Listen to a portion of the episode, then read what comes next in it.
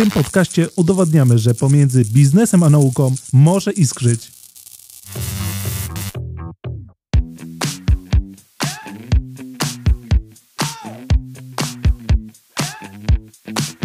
Witajcie w podcaście Iskry Lecą.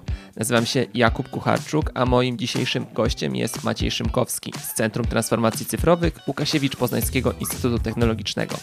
Porozmawiamy dzisiaj o chyba najgłośniejszym wydarzeniu ostatnich dni w świecie technologii, czyli premierze nowego modelu sztucznej inteligencji GPT-4. W naszej rozmowie poszukamy odpowiedzi na pytanie, na jakim etapie rozwoju są różne modele AI, kto w tym wyścigu technologicznym zaszedł najdalej oraz które branże ta technologia najbardziej zmieni. Zapraszam. OpenAI, czyli jedna z firm, która, o której ostatnio głośno, ogłosiła w ostatnich dniach udostępnienie nowego modelu sztucznej inteligencji. E, praktycznie równocześnie Microsoft zaimplementował w swoich usługach swój autorski model sztucznej inteligencji. E, również Google zapowiada, że już wkrótce wprowadzi e, podobne rozwiązania do swoich usług, na, czy to na Google Drive, czy w innych, na innych platformach. Ścigają ich też inne firmy. Towarzyszy temu taka narracja o przełomowym momencie, który zmieni który zmieni zarówno wiele branży, jak i oczywiście zmieni też e, świat technologii. E, I moje pierwsze pytanie jest, kto wygrywa obecnie ten technologiczny wyścig i po kim możemy się spodziewać najbardziej przełomowych rozwiązań? Szczerze mówiąc, byłbym chyba jednak skłonny ku temu, aby stwierdzić, że to jednak Microsoft jest liderem. I też już jakby tłumaczę dlaczego. Z jednej strony, oczywiście, oni mają swoje własne laboratoria, które pracują nad algorytmami, które przygotowały swoje własne rozwiązanie, ale pamiętajmy również, że OpenAI jest firmą, która otrzymała potężne finansowanie, potężny grant ze strony Microsoftu i tak naprawdę to jest też taki, powiedziałbym, pewnego rodzaju języczek uwagi, który gwarantuje Microsoftowi tą przewagę. Oczywiście nie chcę odbierać tutaj e, możliwości, czy też, e, czy też wszelkiego rodzaju wiedzy, umiejętności e, dla innych firm, aczkolwiek wydaje mi się jednak, że teraz przewaga Microsoftu troszeczkę się zarysowuje. Natomiast czy możemy powiedzieć o jednoznacznym zwycięzcy? Myślę, że jeszcze do ogłoszenia zwycięzcy jesteśmy daleko. Możemy powiedzieć, że Microsoft jest liderem, natomiast e, ten wyścig wciąż będzie trwać, wciąż będzie się rozwijać, tym bardziej, że jak na razie właśnie ChatGPT jest e, takim elementem, który robi wielki efekt wow, natomiast wyobraźmy sobie, że w najbliższej przyszłości pojawią się kolejne rozwiązania, które ten efekt jeszcze tylko i wyłącznie spotęgują. Bo z jednej strony mamy operację na tekście, ale przecież też możemy operować na obrazach, na wideo, na muzyce. Przecież już coraz częściej pojawiają się chociażby algorytmy, które są w stanie generować samodzielnie muzykę, czy samodzielnie generować obrazy. Stąd myślę, że jeszcze tak naprawdę ciężko nam powiedzieć o jednoznacznym zwycięzcy, chociaż nie, jedną rzecz chciałbym tutaj nadmienić. Jeżeli chodzi o zwycięzcę, tym zwycięzcą możemy być, możemy być my, użytkownicy, bo zwróćmy uwagę na to, że to jednak te rozwiązania, które się pojawiają, będą coraz częściej, coraz bardziej usprawniały nasze życie. Oczywiście pojawiają się pewnego rodzaju wątpliwości, czy na przykład e, powstająca sztuczna inteligencja nie odbierze pracy ludziom, ale tutaj zawsze nasuwa mi się porównanie e, z rewolucją przemysłową.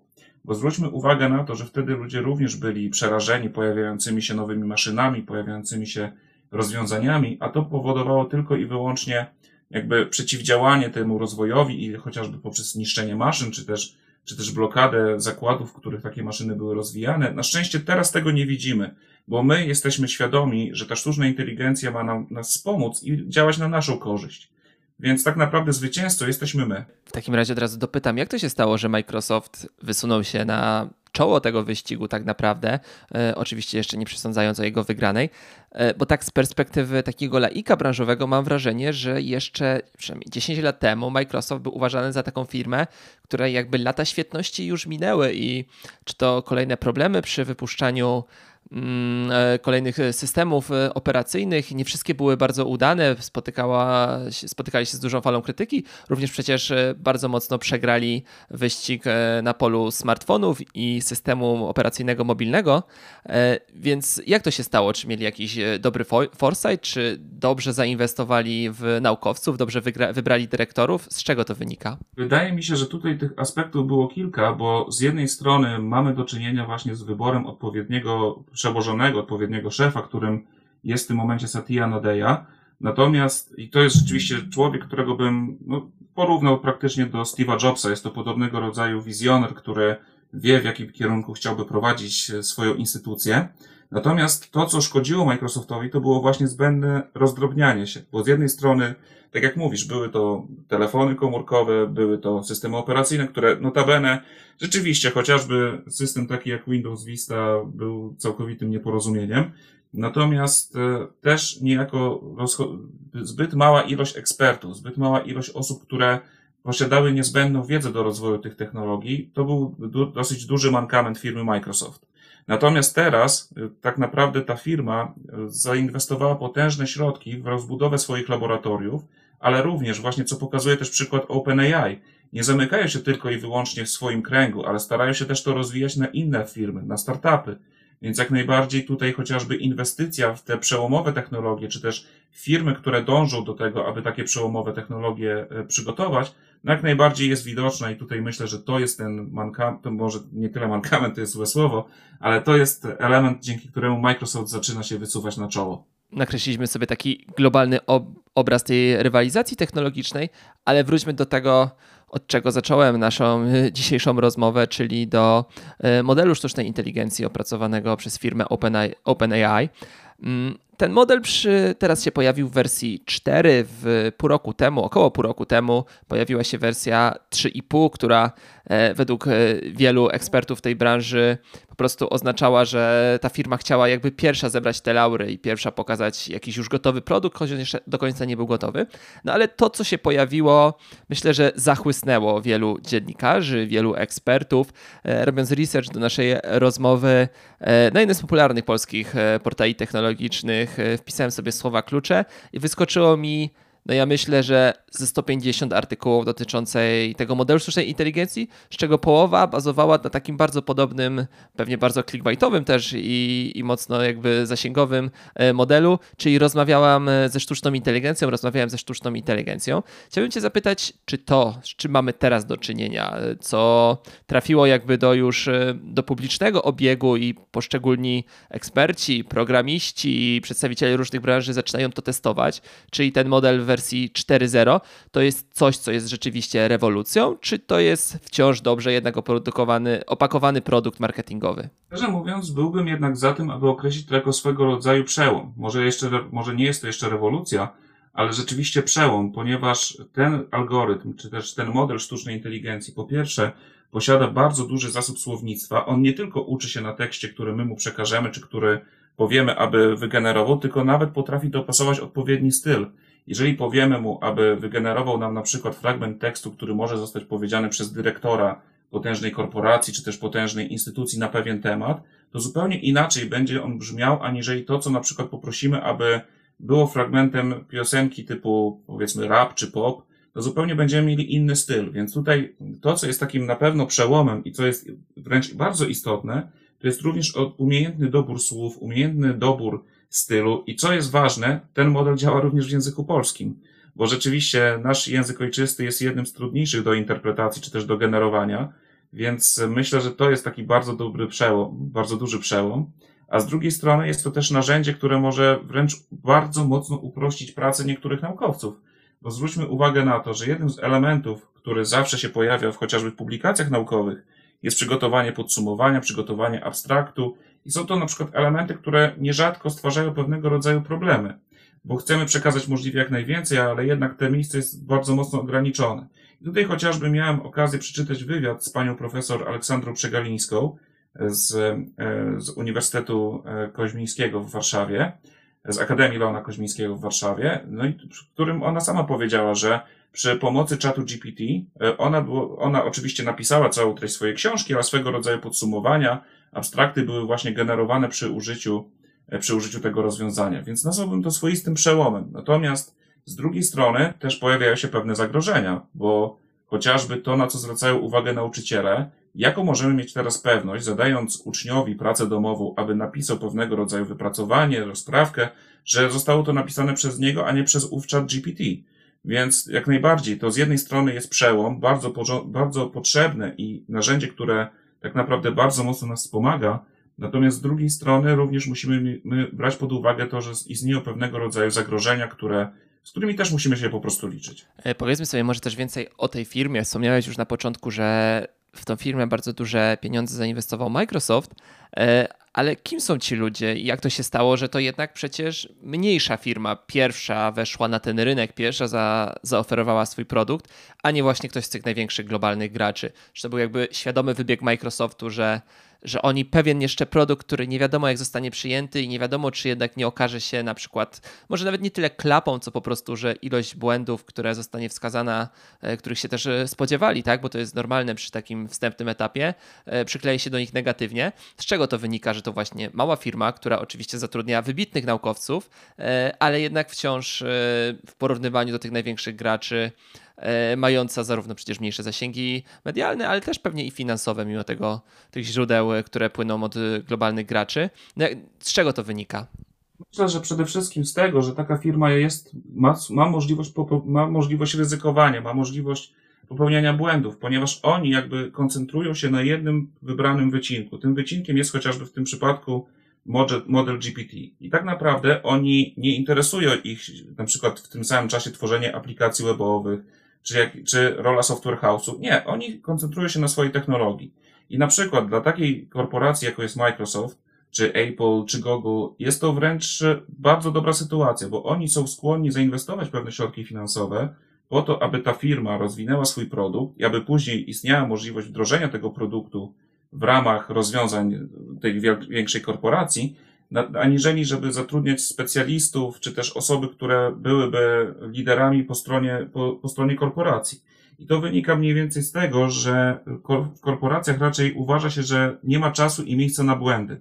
Więc tam przede wszystkim liczy się czas. Czas, który musimy jak najlepiej spożytkować, aby uzyskać wynik. Natomiast mniejsze instytucje, mniejsze firmy bardzo często mają po prostu czas, mają też możliwość takiego troszeczkę manewrowania, czy też modelowania sobie tego, tych zadań czy też czasu w taki sposób, że pomimo troszkę dłuższego, e, dłuższego czasu, który zostanie wykorzystany na przygotowanie takiego rozwiązania, to rozwiązanie będzie działało bardzo dobrze. W takim razie, jeszcze zostając przy tej firmie OpenAI, e, chciałbym Cię trochę zapytać o ludzi, którzy, którzy to tworzą, bo wiemy, że to jest rozwiązanie oczywiście bazujące na olbrzymim e, zasobie e, danych zbieranych przez właśnie sztuczną inteligencję i przetwarzanych przez sztuczną inteligencję, no ale ktoś to stworzył, tak? I chciałbym Cię zapytać, no wiemy też, że wśród tych osób, założycieli tej firmy jest, jest choćby Polak, E, wybitny laureat e, różnych olimpiad, który potem trafił do Doliny Krzemowej, jeżeli się nie mylę, Wojciech Zaręba, e, który pochodzi tak chyba, chyba z Kluczborka. No ale czy to jest właśnie firma wybitnych informatyków, programistów? Kto za nią stoi? Ja bym szczerze powiedział, że jest to mieszanka, taka typowa mieszanka, w której mamy naprawdę światowej klasy, światowej sławy naukowców, ale z drugiej strony również mamy wybitnych programistów, bo też musimy tutaj sobie jedną rzecz jakby wyjaśnić. We współczesnej informatyce tak naprawdę te najlepsze wyniki nie są osiągane tylko przez naukowców. One są osiągane właśnie w momencie, w którym mamy połączenie naukowców z programistami, z data scientist, z data analyst, tak naprawdę z bardzo dużą rzeszą różnych specjalistów. Naukowiec jest tylko jednym z elementów tego całego procesu. Natomiast proces rozpoczynający się jakby od, od samego pomysłu, przez jego przygotowanie merytoryczne, po jego wdrożenie, no to jest naprawdę bardzo złożony proces, w którym bierze udział dużo ludzi. No i firma OpenAI jest właśnie taką, taką instytucją, która połączyła w sobie to wszystko. I wydaje mi się, że ta mieszanka, no nie, nie bójmy się nawet nazwać ją swego rodzaju mieszanką wybuchową, doprowadziła właśnie do takiego wybuchu, do takiego przełomu, który doprowadził do przygotowania naprawdę rozwiązania przełomowego. Bardzo Ci dziękuję. Więc przejdźmy do tego, co ta technologia oferuje. E, I może tak przewrotnie trochę zapytam, e, czy chat GPT, który się pojawił te pół roku temu w tej wersji 3,5, e, czy teraz ta wersja 4 jakoś w jakikolwiek sposób zmieniła Twoją pracę, czy korzystasz już z niej? Znaczy, jednym z elementów, w którym pracujemy i który chcemy jako wykorzystać chat GPT jest możliwość podłączenia go pod awatary. Tutaj akurat e, wielki ukłon w kierunku firm e, JUICE e, oraz no, wokół, do, do firm, które przygotowały awatar Ignacego Łukasiewicza, bo rzeczywiście naszym celem jest również podłączenie pod niego czatu GPT, tak aby można było przygotować ten, ten cały algorytm, aby nasz Ignacy mógł również wypowiadać się na różne tematy, do których nie był wcześniej przygotowany. Czy też aby mógł właśnie parafrazować to, co mówimy.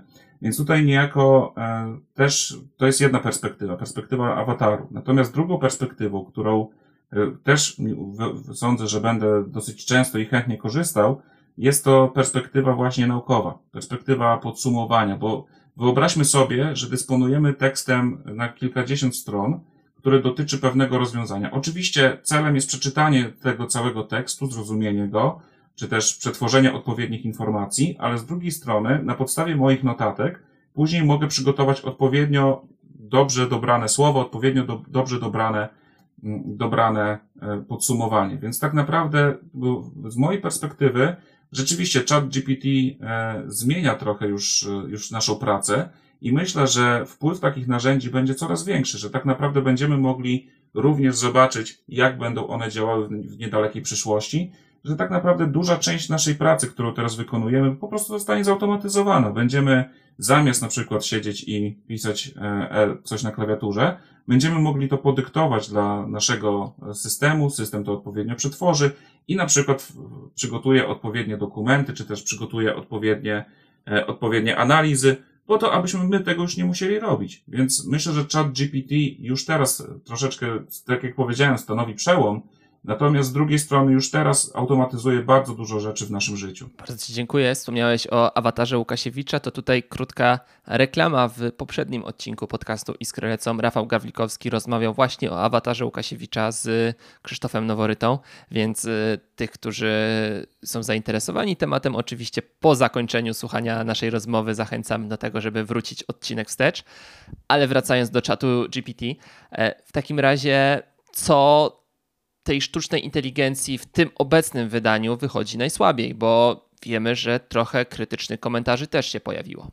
Znaczy, tak naprawdę, jeżeli chodzi o sztuczną inteligencję, ja bym powiedział e, o jednej zasadniczej rzeczy, bo zwróćmy uwagę na to, że jeżeli mówimy w ogóle o inteligencji ludzkiej, to mówimy też nie tylko o inteligencji w sensie rozumienia pewnych rzeczy, w sensie ich analizy, tylko mówimy również o tym, że mamy do czynienia chociażby z sytuacją, w której istnieje coś takiego jak inteligencja emocjonalna.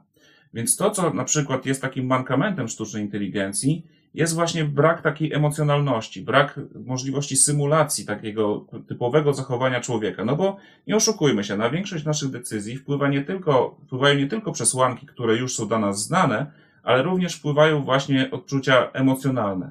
Więc wydaje mi się, że to jest taki mankament, który powstaje w tej sztucznej inteligencji, czyli nazwałbym to e, może nie tyle et, nieetyczną sztuczną inteligencją, bo to jest złe określenie, ale nazwałbym to e, taką bezduszną sztuczną inteligencją, która po prostu na podstawie odpowiednich przesłanek ma za zadanie e, zadecydować na przykład, który z elementów jest, jest ważny, który nie jest ważny. Tak jak w tej typowej zagadce, którą, e, zagadce, czy też e, łamigłówce, którą się czasami zadaje, kiedy mamy, mamy łódkę, mamy jedno miejsce, a mamy uratować dwie osoby. Kogo ratujemy? Więc tutaj jak najbardziej myślę, że sztuczna inteligencja po prostu dokonałaby takiego wyboru. Człowiek miałby pewnego rodzaju sentymenty, pewnego rodzaju obiekcje przed podjęciem takiej decyzji, więc myślę, że z jednej strony jest to ok, jest to dobre, ale z drugiej strony nie jesteśmy w stanie jeszcze tego zasymulować. Natomiast to, co jest istotne i co też stanowi swoisty przełom sztucznej inteligencji w ostatnich latach, jest coraz powszechniejsza dostępność tak zwanego explainable AI, czyli wyjaśnialnej sztucznej inteligencji. Sztucznej inteligencji, która nie tylko podejmuje decyzje, ale również jest w stanie ją uzasadnić, na podstawie jakich przesłanek i dlaczego podejmowała takie, a nie inne decyzje. I wydaje mi się, że to, do czego powinniśmy dążyć, to właśnie pełna transparentność sztucznej inteligencji Czyli nie tylko decyzja, ale również prosimy ją o uzasadnienie, dlaczego została podjęta taka, a nie inna decyzja. I to na przykład może być bardzo istotne, chociażby z punktu widzenia samochodów autonomicznych. Mamy przykład y, pojazdu marki Tesla, który niestety doprowadził do wypadku, uderzając w białą ciężarówkę. To również na przykład taka informacja diagnostyczna, która zostałaby zachowana w formie krótkiego raportu sztucznej inteligencji, co zostało rozpoznane przed, przed kamerą i dlaczego nie podjęto żadnej decyzji o hamowaniu, byłaby jak najbardziej słuszna, bo dzięki temu inżynierowie z firmy Tesla byliby w stanie odpowiednio dostosować swoje algorytmy, aby rzeczywiście zabezpieczyć tego kierowcę, aby więcej takich sytuacji po prostu nie było.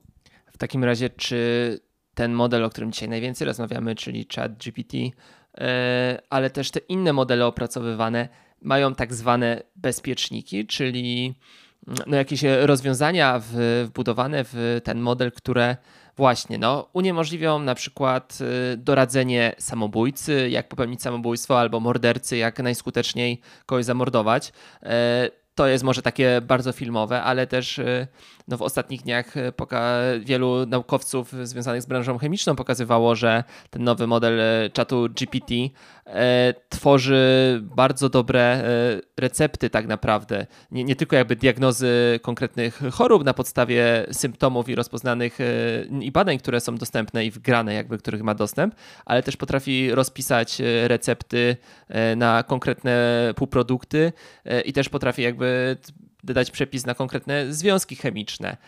Można sobie wyobrazić, że te związki chemiczne mogą być takie oczywiście bezpieczne i w służbie dobru, ale też y, kompletnie w, drugą stronę. I czy te modele w ogóle uwzględniają coś takiego, jak jakieś takie bezpieczniki, gdzie po prostu prawo do odmówienia, tak? Y, takie moralne prawo do odmówienia. Przyznaję, że nie miałem okazji testować czatu GPT pod tym kątem.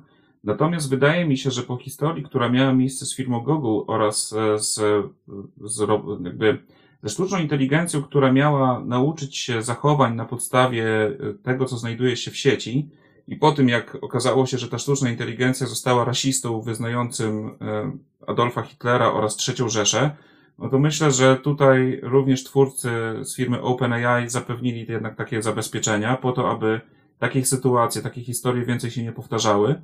Więc myślę, że jak najbardziej. Pewnego rodzaju zabezpieczenia muszą się tutaj pojawić, ponieważ tak jak mówisz, na przykład doradzenie, w jaki sposób możemy kogoś zabić, w jaki sposób możemy popełnić samobójstwo, no to nie jest coś, co byśmy chcieli zobaczyć. Więc myślę, że jak najbardziej takie zabezpieczenia są, czy też e, nawet pytanie e, o, o, tak, o osoby historyczne, myślę, że e, oczywiście przedstawienie ich też także w świetle, w, ty, w takim świetle, w jakim one naprawdę były, czyli powiedzmy właśnie wspomnianego przed chwilą e, Adolfa Hitlera, pokazanie, że był po prostu zbrodniarzem wojennym e, oraz e, osobą, która doprowadziła do II wojny światowej.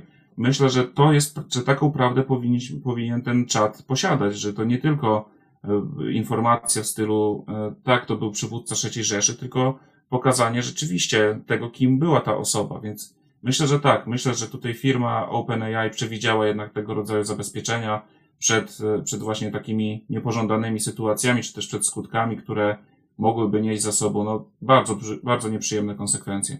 Też nawiązuję do tego wątku, bo w ostatnich dniach, poza tym, że Microsoft ogłosił zaimplementowanie do Binga, czyli ich przeglądarki, ale też y, wkrótce zaimplementowanie do usług opartych na na OneDrive i tych e, innych związanych z pakietem Office. E, ogłosił, że tam też ta sztuczna inteligencja będzie pomagać, doradzać w odpowiedzi na maile i tak dalej, i tak dalej. Wszystkich rozwiązań jeszcze nie znamy, ale równolegle poszła informacja, że Microsoft zwolnił i rozwiązał cały swój zespół właśnie do spraw etycz, etyki sztucznej inteligencji. No i tutaj od razu no, pojawiło się wiele głosów, że to pokazuje, że jednak gdy wchodzą w grę pieniądze i ten wyścig, można powiedzieć w cudzysłowie, zbrojeń technologicznych wchodzi w decydującą fazę, no to to, co tam doradzają jacyś eksperci etyki, schodzi na dalszy plan. E, no i tutaj chciałbym Cię zapytać, e, czy wierzysz w to, że te największe koncerny, ale też te firmy, które e, takie jak OpenAI, trochę mniejsze, ale które mają przełomową technologię, będą w, samym, będą w stanie i będą miały ochotę na to, żeby trochę same się uregulować? Czy tutaj są potrzebne rozwiązania na poziomie z perspektywy Europy unijnym albo nawet globalnym?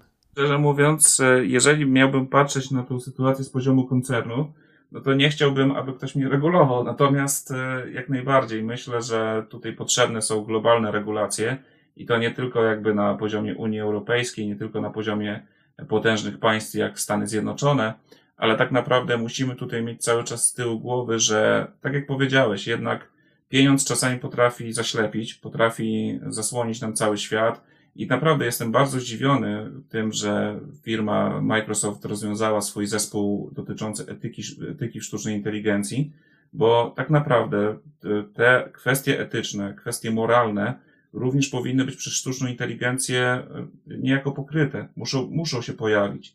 Więc myślę, że jednak e, odejście od tego, nie, nie uwzględnienie tych elementów, no jest to jednak dosyć poważny błąd, e, ponieważ jednak musimy pamiętać o tym, że na, na przykład, jeżeli byśmy mieli sytuację, w której mamy algorytm sztucznej inteligencji, który zajmuje się pacjentem i wiemy na przykład na podstawie przesłanek, że ten pacjent y, może być wciąż podtrzymywany przy życiu i być może za jakiś czas jego stan się poprawi, tego nie wiemy, ale z drugiej strony ten pacjent już powiedzmy ma małe szanse na, na, to, na poprawę swojego stanu. Więc czy algorytm sztucznej inteligencji powinien w takim przypadku podejmować decyzję o tym, czy ktoś ma żyć, czy nie? Moim zdaniem to nie jest jego rola. I tutaj znowu wchodzi kwestia etyki. Jeżeli nie, nie wdrożymy takich standardów etycznych do algorytmów sztucznej inteligencji, to one mogą być właśnie wykorzystywane w takim celu, wykorzystywane w celu decyzji o tym, czy ktoś ma żyć, czy nie. Więc jednak musimy cały czas mieć z tyłu głowy, że to jest tylko i wyłącznie program komputerowy, ale program komputerowy, który musi zostać odpowiednio dostosowany. Więc wydaje mi się, że jednak y, istnieje bardzo duża konieczność i to nie, nie tylko dotyczy dużych koncernów, nie tylko tych, którzy zajmują się technologiami przełomowymi, ale wręcz ogółem y, do tych y, instytucji, do tych osób, które zajmują się sztuczną inteligencją, aby jednak takie regulacje powstały, aby jednak zostało to dosyć jasno i klarownie powiedziane, gdzie istnieje pewna granica tego zastosowania, czy też w jaki sposób musimy to wdrażać, w jaki sposób musimy to testować. Bo dopóki te algorytmy nie decydują o naszym życiu, no to one na przykład mają tylko doradzić nam rodzaj słuchanej muzyki, rodzaj tego, co, co zjemy, rodzaj wybranego filmu, no to myślę, że tutaj nie ma, nie ma jakiegoś dużego zagrożenia. Natomiast w momencie, w którym one rozpoczną decydowanie o naszym życiu, no to jest to już jednak z gruntu niebezpieczne i jednak powinniśmy mieć to na uwadze, aby te podpowiedzi, czy też e, te zalecenia wydawane przez sztuczną inteligencję, aby po prostu były naprawdę etyczne. Mam jeszcze chyba jeden wątek, taki duży, który chciałbym poruszyć. E, gdy pojawił się chat GPT i te jego kolejne wersje, pojawiło się też wiele głosów, że to jest skokowy skoko, to narzędzie skokowo rozwiąże automatyzację i napędzi automatyzację e, miejsc, e, automatyzację pracy i zlikwiduje tak naprawdę wiele branż, ale wielu ludzi też pozbawi pracy. Mm, ty tutaj we wcześniejszej części naszej rozmowy wskazywałeś, że to będzie narzędzie, które wielu tą pracę ułatwi. I chciałbym Cię trochę zapytać, które branże będą najbardziej się rewolucjonizować właśnie dzięki takim narzędziom. E, tutaj przy premierze tego ostatniego rozwiązania czatu GPT-4 e, właściciele tej firmy OpenAI wskazywali, że e, branża informatyczna, branża programistów bardzo mocno się zmieni, ponieważ ten program, to, to, ten model sztucznej inteligencji już teraz jest w stanie pisać bardzo zaawansowane programy sam i je kompilować i je weryfikować.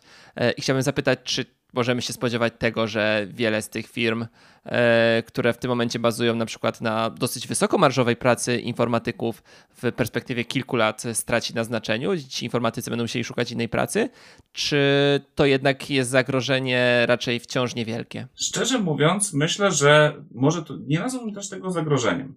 Dlaczego? Dlatego, że dzięki takim narzędziom, jak właśnie ChatGPT, czy w ogóle sztuczna inteligencja, która byłaby w stanie przygotować odpowiedni fragment kodu, możemy odejść od tak zwanych żmudnych zadań. Zadań, które są powtarzalne, które są nudne, które tak naprawdę mogą często też powodować wypalenie zawodowe u programistów.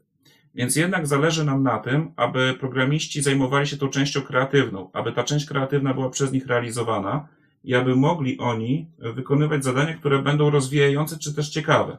Więc wydaje mi się, że rzeczywiście trochę branżę programistyczną czeka na pewno rewolucja, ale to będzie rewolucja, która będzie pozytywna. Będzie pozytywna z takiego punktu widzenia, że będziemy w stanie wykonywać tylko właśnie ciekawsze zadania, natomiast te proste zostawimy właśnie dla sztucznej inteligencji.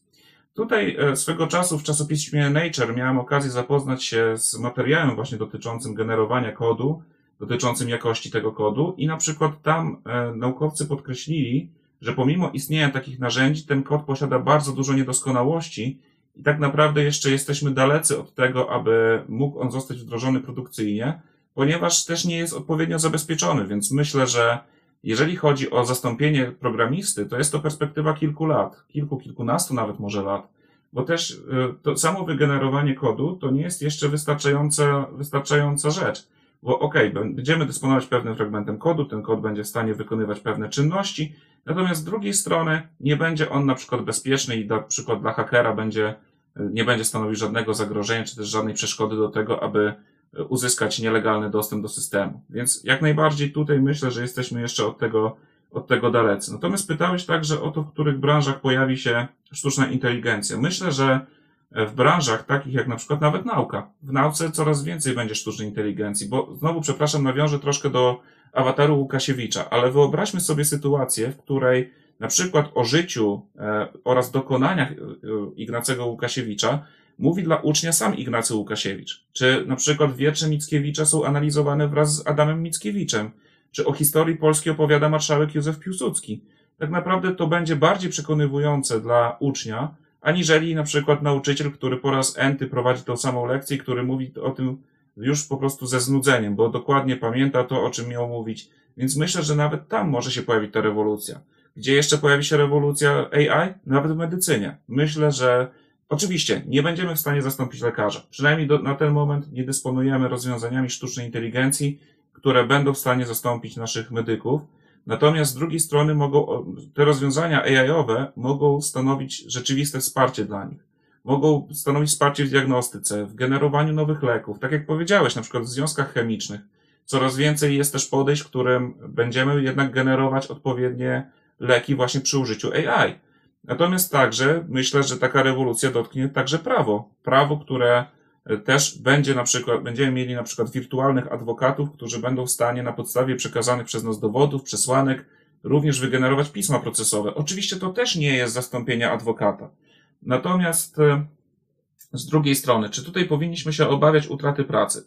Myślę, że znowu tutaj muszę nawiązać do tej rewolucji przemysłowej, która miała miejsce chociażby w Anglii. Wtedy ludzie również bali się tego, że poprzez przygotowanie maszyn oni stracą pracę, nie będą mieli za co utrzymać rodzin.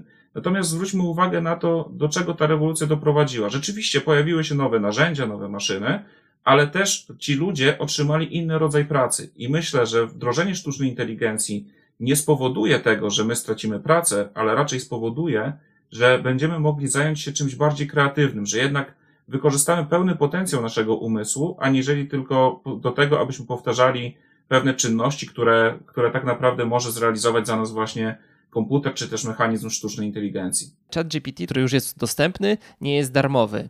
E, I chciałbym Cię zapytać, czy możemy się spodziewać, że te modele, które też się będą pojawiać, e, będą na tyle drogie, że tak naprawdę będą dostępne dla nielicznych, właśnie dla tylko tych wybranych branż, że właśnie to dziecko, które będzie chciało odrobić pracę domową, wcale nie będzie korzystało ze sztucznej inteligencji, ponieważ nie będzie go stać, ale nie będzie mu się opłacać, e, żeby zapłacić za, za te tokeny, które tak to się nazywa, tak? czyli za te zapytania do, e, do tego modelu, który, który jest dostępny. Jak to Twoim zdaniem będzie wyglądać w przyszłości? Myślę, że masz całkowitą rację. Rzeczywiście jednak e, nawet podejście, w którym ta sztuczna inteligencja przynajmniej w tym, w tym momencie jest płatna, no jednak troszeczkę ogranicza możliwość jej wykorzystania. Natomiast to, do czego się dąży, to jest jednak powszechność sztucznej inteligencji. I wydaje mi się, że w momencie, w którym będziemy kupowali kolejne urządzenia, czy też nowsze wersje komputerów, telefonów, smartwatchy, czy nawet słuchawek, one będą już posiadały ten pierwiastek sztucznej inteligencji i w ten sposób będziemy ją nabywać. Natomiast rozwiązania typu algorytmicznego myślę, że jednak będą w pewien sposób dozowane nie zostaną one wpuszczone całkowicie i jednocześnie na rynek, ponieważ spowodowałoby to naprawdę potężną rewolucję i konieczność zrewolucjonizowania wielu branż, także pod kątem bezpieczeństwa, także pod kątem detekcji takich e, algorytmów, więc myślę, że jeszcze jesteśmy od tego dalecy. Natomiast e, z drugiej strony myślę, że też firmy, które przygotowują takie rozwiązania, chciałyby na tym po prostu zarabiać. Więc tutaj jak najbardziej e, myślę, że na razie przynajmniej te, te usługi będą płatne. W takim razie chyba ostatni już e, wątek w naszej rozmowie. W jaki sposób Łukasiewicz, Poznański Instytut Technologiczny, ale też inne polskie jednostki naukowe mogą włączyć się w tą rewolucję technologiczną? Czy my w jakiś sposób już teraz jesteśmy zaangażowani w to, co się dzieje w tym technologicznym, technologicznym obszarze właśnie rozwoju sztucznej inteligencji? Czy to są obszary, które są zarezerwowane dla tych największych? Warto przytoczyć słowa pana profesora Artura Dubrowskiego z Carnegie Mellon University. Mieliśmy okazję e, kilka, e, kilka, kilka tygodni temu gościć pana profesora w Łukasiewicz Poznańskim Instytucie Technologicznym. I pan profesor powiedział jedną bardzo ważną rzecz, która myślę otworzyła oczy wielu osobom że tak naprawdę Polska pod kątem posiadanej wiedzy, posiadanych ludzi jest w stanie w ciągu najbliższych dwóch, trzech lat zostać liderem na skalę europejską pod kątem sztucznej inteligencji.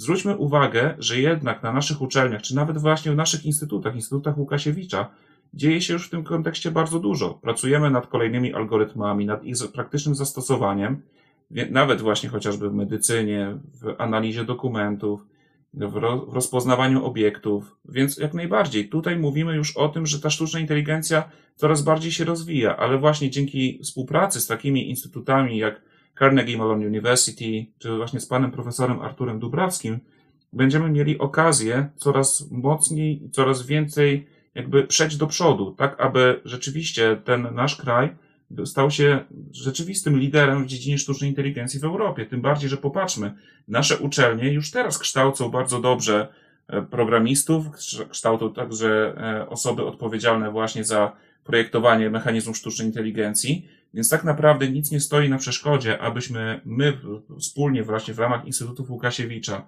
czy właśnie we współpracy z uczelniami, przygotowali nowe algorytmy, które będą jeszcze bardziej doskonałe.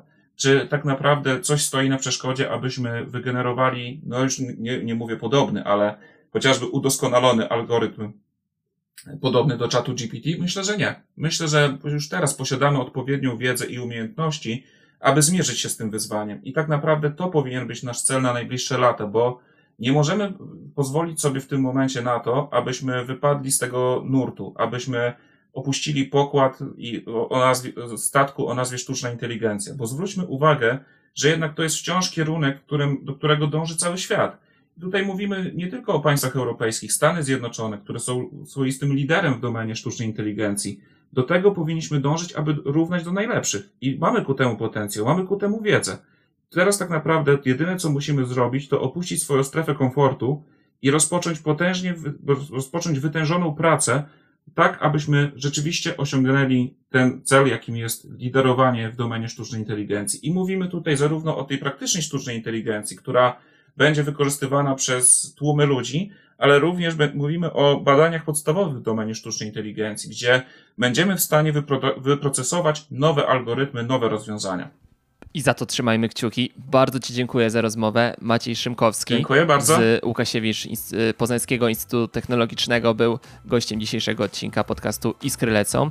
Przypominam, że podcast jest dostępny na Spotify, Apple Podcast, Google Podcast i wielu innych platformach podcastowych i streamingowych. Zachęcam oczywiście do subskrypcji i udostępniania w mediach społecznościowych. Do usłyszenia.